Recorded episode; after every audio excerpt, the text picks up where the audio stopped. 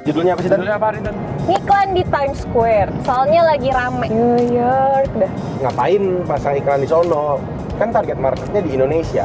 Pasang iklannya offline gitu, tapi ramenya tuh di online. Kita ngomongin di Indonesia, Eh. karena wah brand lu ini udah mendunia nih. Iya. Jadi orang akan lebih cepat untuk Eh, jadi lebih percaya, Lebih jadi percaya, lebih waras, betul. jadi lebih naik.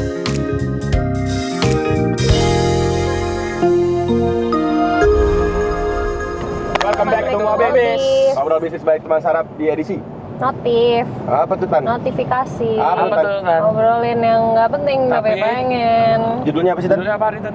Iklan di Times Square, soalnya lagi rame. Times Square itu di mana sih sebenarnya? York, Oh New York. NYC, Wih NYC. New York City, Lagunya Tan, lagunya Tan. Iya, kan? New York dah. Concrete jungle where dreams Lanjut. Oke oke lanjut. Kalau teman-teman yang belum tahu dan belum pernah ke NYC, Times Square merupakan pusat bisnis dan wisata tersibuk di dunia yang dilalui 380 ribu pejalan kaki dan Setiap hari. pengemudi setiap harinya. Ush. Tebalnya 380 ribu itu lebih macet daripada perempatan Ciledug. Keluar tol tuh macet banget tuh kan ada mau kanan, ada Iya, itu yang kiri kacau itu. gitu. Nah, tapi ya ini suatu fenomena yang akhirnya lagi hangat dibicarakan. Ternyata beriklan di NYC ini kan menjadi salah satu impian lah semua local brand gitu. Iya. Ternyata ada tarifnya nih dan kalau kalian mau beriklan pun bisa. Bisa.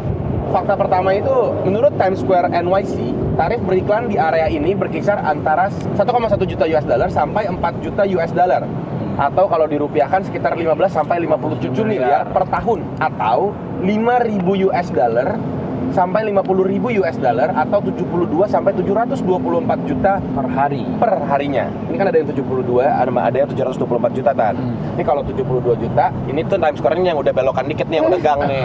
Iya. Ya, warung nasi kucing loh yang belokan. Kalau yang mahal tuh Yang yang di mahal. atas bisnis, Bisnis, yang di ya. tengah-tengah tuh. Yang di hook. Ya, yang di Hook. kalau udah dibelokan masuk gang Hmm. 72 juta doang. Iya. Yang fakta keduanya. Ya. Ulang, Kalau ulang, ulang. kalau mau ngiklan di papan reklame terbesar di Times Square itu harganya 3 juta US dollar, Atau setara rupiahnya 43 Ya, miliar per bulan. itu sebulan dan Sebulan. yang paling gede tuh. Iya. Tapi nyala nggak LED-nya? Nyala dong. Ya. Karena genset juga kali ya. Jadi kalau tiba-tiba itu kan gerak ke Nah, eh, katanya ada satu perusahaan yang pernah ngiklan ya di papan terbesar di New York ya.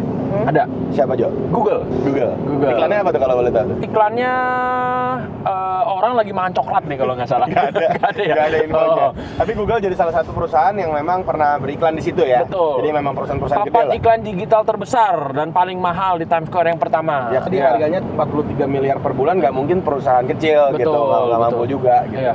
Nah, terus Tan, lu tahu ada beberapa brand lokal akhir-akhir ini yang suka masang itu apa aja sih Tan?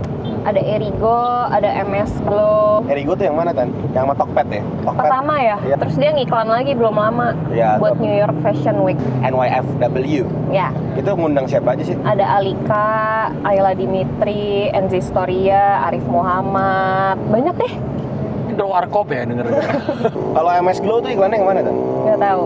Kalau MS Glow terakhir tuh yang ini, yang siapa aja bisa jadi brand ambassador itu loh, yang Marcel Widianto sama Babe Cabita Cabita. ya. Iya itu yang Iya. banyak netizen komen kayak ah kok jelek nih bisa jadi ini kok yang kayak gini bentukannya bisa jadi brand ambassador nanti MS Glow rugi lah gitu. Padahal ini sebenarnya ada pesan yang mau disampaikan sama MS Glow gitu. Maksudnya semua orang bisa menggunakan MS Glow itu mungkin pesan yang yang mau disampaikan gitu. Jadi nggak perlu kayak lo ganteng lo keren baru bisa pakai MS Glow tapi semua orang pun bisa pakai MS Glow gitu dan memang menarik sekali tokoh yang diangkat ini Marcel Widianto dan Babe Cabita memang bukan kita nggak bilang jelek tapi mungkin memang bukan tipikal artis Indonesia yang mungkin ganteng maskulin gitu Betul. dan ternyata ini menimbulkan suatu awareness yang sangat tinggi ya karena netizen pada komple- komen gitu jadinya makin naik campaign-nya nih tapi bentuk layar iklan di Times Square itu juga beragam nih di berbagai gedung seperti AB ABC Super Sign yang berbentuknya seperti pis- ada pita hingga Times Square spektakuler di 1540 Broadway. Layar ini kemarin digunakan MS Glow, itu berarti di yang 1540 Broadway, 1540 Broadway. Nah, Times Square ini karena memang saking terkenalnya sering juga dipakai buat tempat syuting. Syuting apa itu Tan? Critical Eleven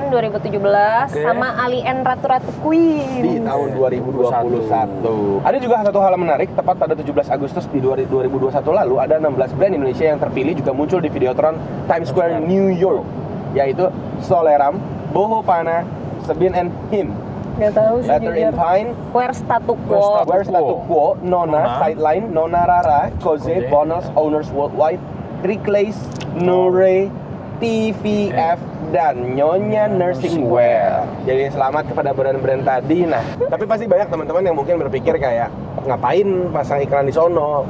Kan target marketnya di Indonesia. Bahkan kalau misalnya diomongin, oke lah, let's say shipping worldwide. Tapi kan sebenarnya mostly orang-orang belinya di sini gitu. Ngapain pasang di sono? Nah sebenarnya ini salah satu strategi juga yang kita perhatiin kayak ada integrated marketing nih antara offline dan online. Jadi kalau kayak dulu gitu yang kita misalnya kita trace back waktu uh, Bang Arif Muhammad masang iklan di billboard gitu pasang iklannya offline gitu tapi ternyata ramenya tuh di online jadi kayak oh ini mau mau nyalek mau nyalon jadi RI 1 dan sebagainya gitu nah ini juga sekarang sama kalau menurut gua di billboard jadi kayak brand lu ada di sono offline di foto udah masuk NYC tapi sekarang di Indonesia diomongin Iya, diomongin di Indonesia Eh. karena wah brand lu ini udah mendunia nih. Iya. Jadi orang akan lebih cepat untuk eh, jadi lebih percaya, Lebih percaya, jadi awarenessnya jadi betul. lebih naik. Jadi sebenarnya ini ada satu strategi yang mengawinkan antara offline dan online. Sama seperti kalau misalnya kayak teman-teman tahu misalnya di Holy Wings suka pasang di depannya tuh yang Iya. tulisan gitu Iya, kan. Betul. Hal kecil deh misalnya ulang tahun di surprise di situ happy birthday Tania gitu lo Iya. foto. Tapi lo uploadnya di online. Iya. Padahal orang yang lewat juga nggak tahu nih Tania siapa. Iya, betul. Iya kan? Heeh. Nah, kalau misalnya teman-teman sendiri mendapatkan kesempatan untuk bisa memasang brandnya di New York Times Square, kira-kira menurut teman-teman dampaknya apa sih buat teman-teman untuk brandnya teman-teman selain awareness? Mungkin boleh komen terus apa lagi tuh? Iya komen di Di bawah bawah. pendapat kalian. Worth it nggak kalau menurut kalian iklan itu dipasang di NYC Dengan biaya segitu ya. dengan gitu. biaya segitu? Oke, Oke, teman-teman jangan lupa untuk like kalau kalian Komen. suka kontennya, komen kalau kalian pengen komen dan subscribe biar kalian nggak ketinggalan video-video lain. Di lon- ini dong nyalain lonceng. Dan loncengnya juga dan Dan- kita ketemu lagi di Notif selanjutnya. bye bye.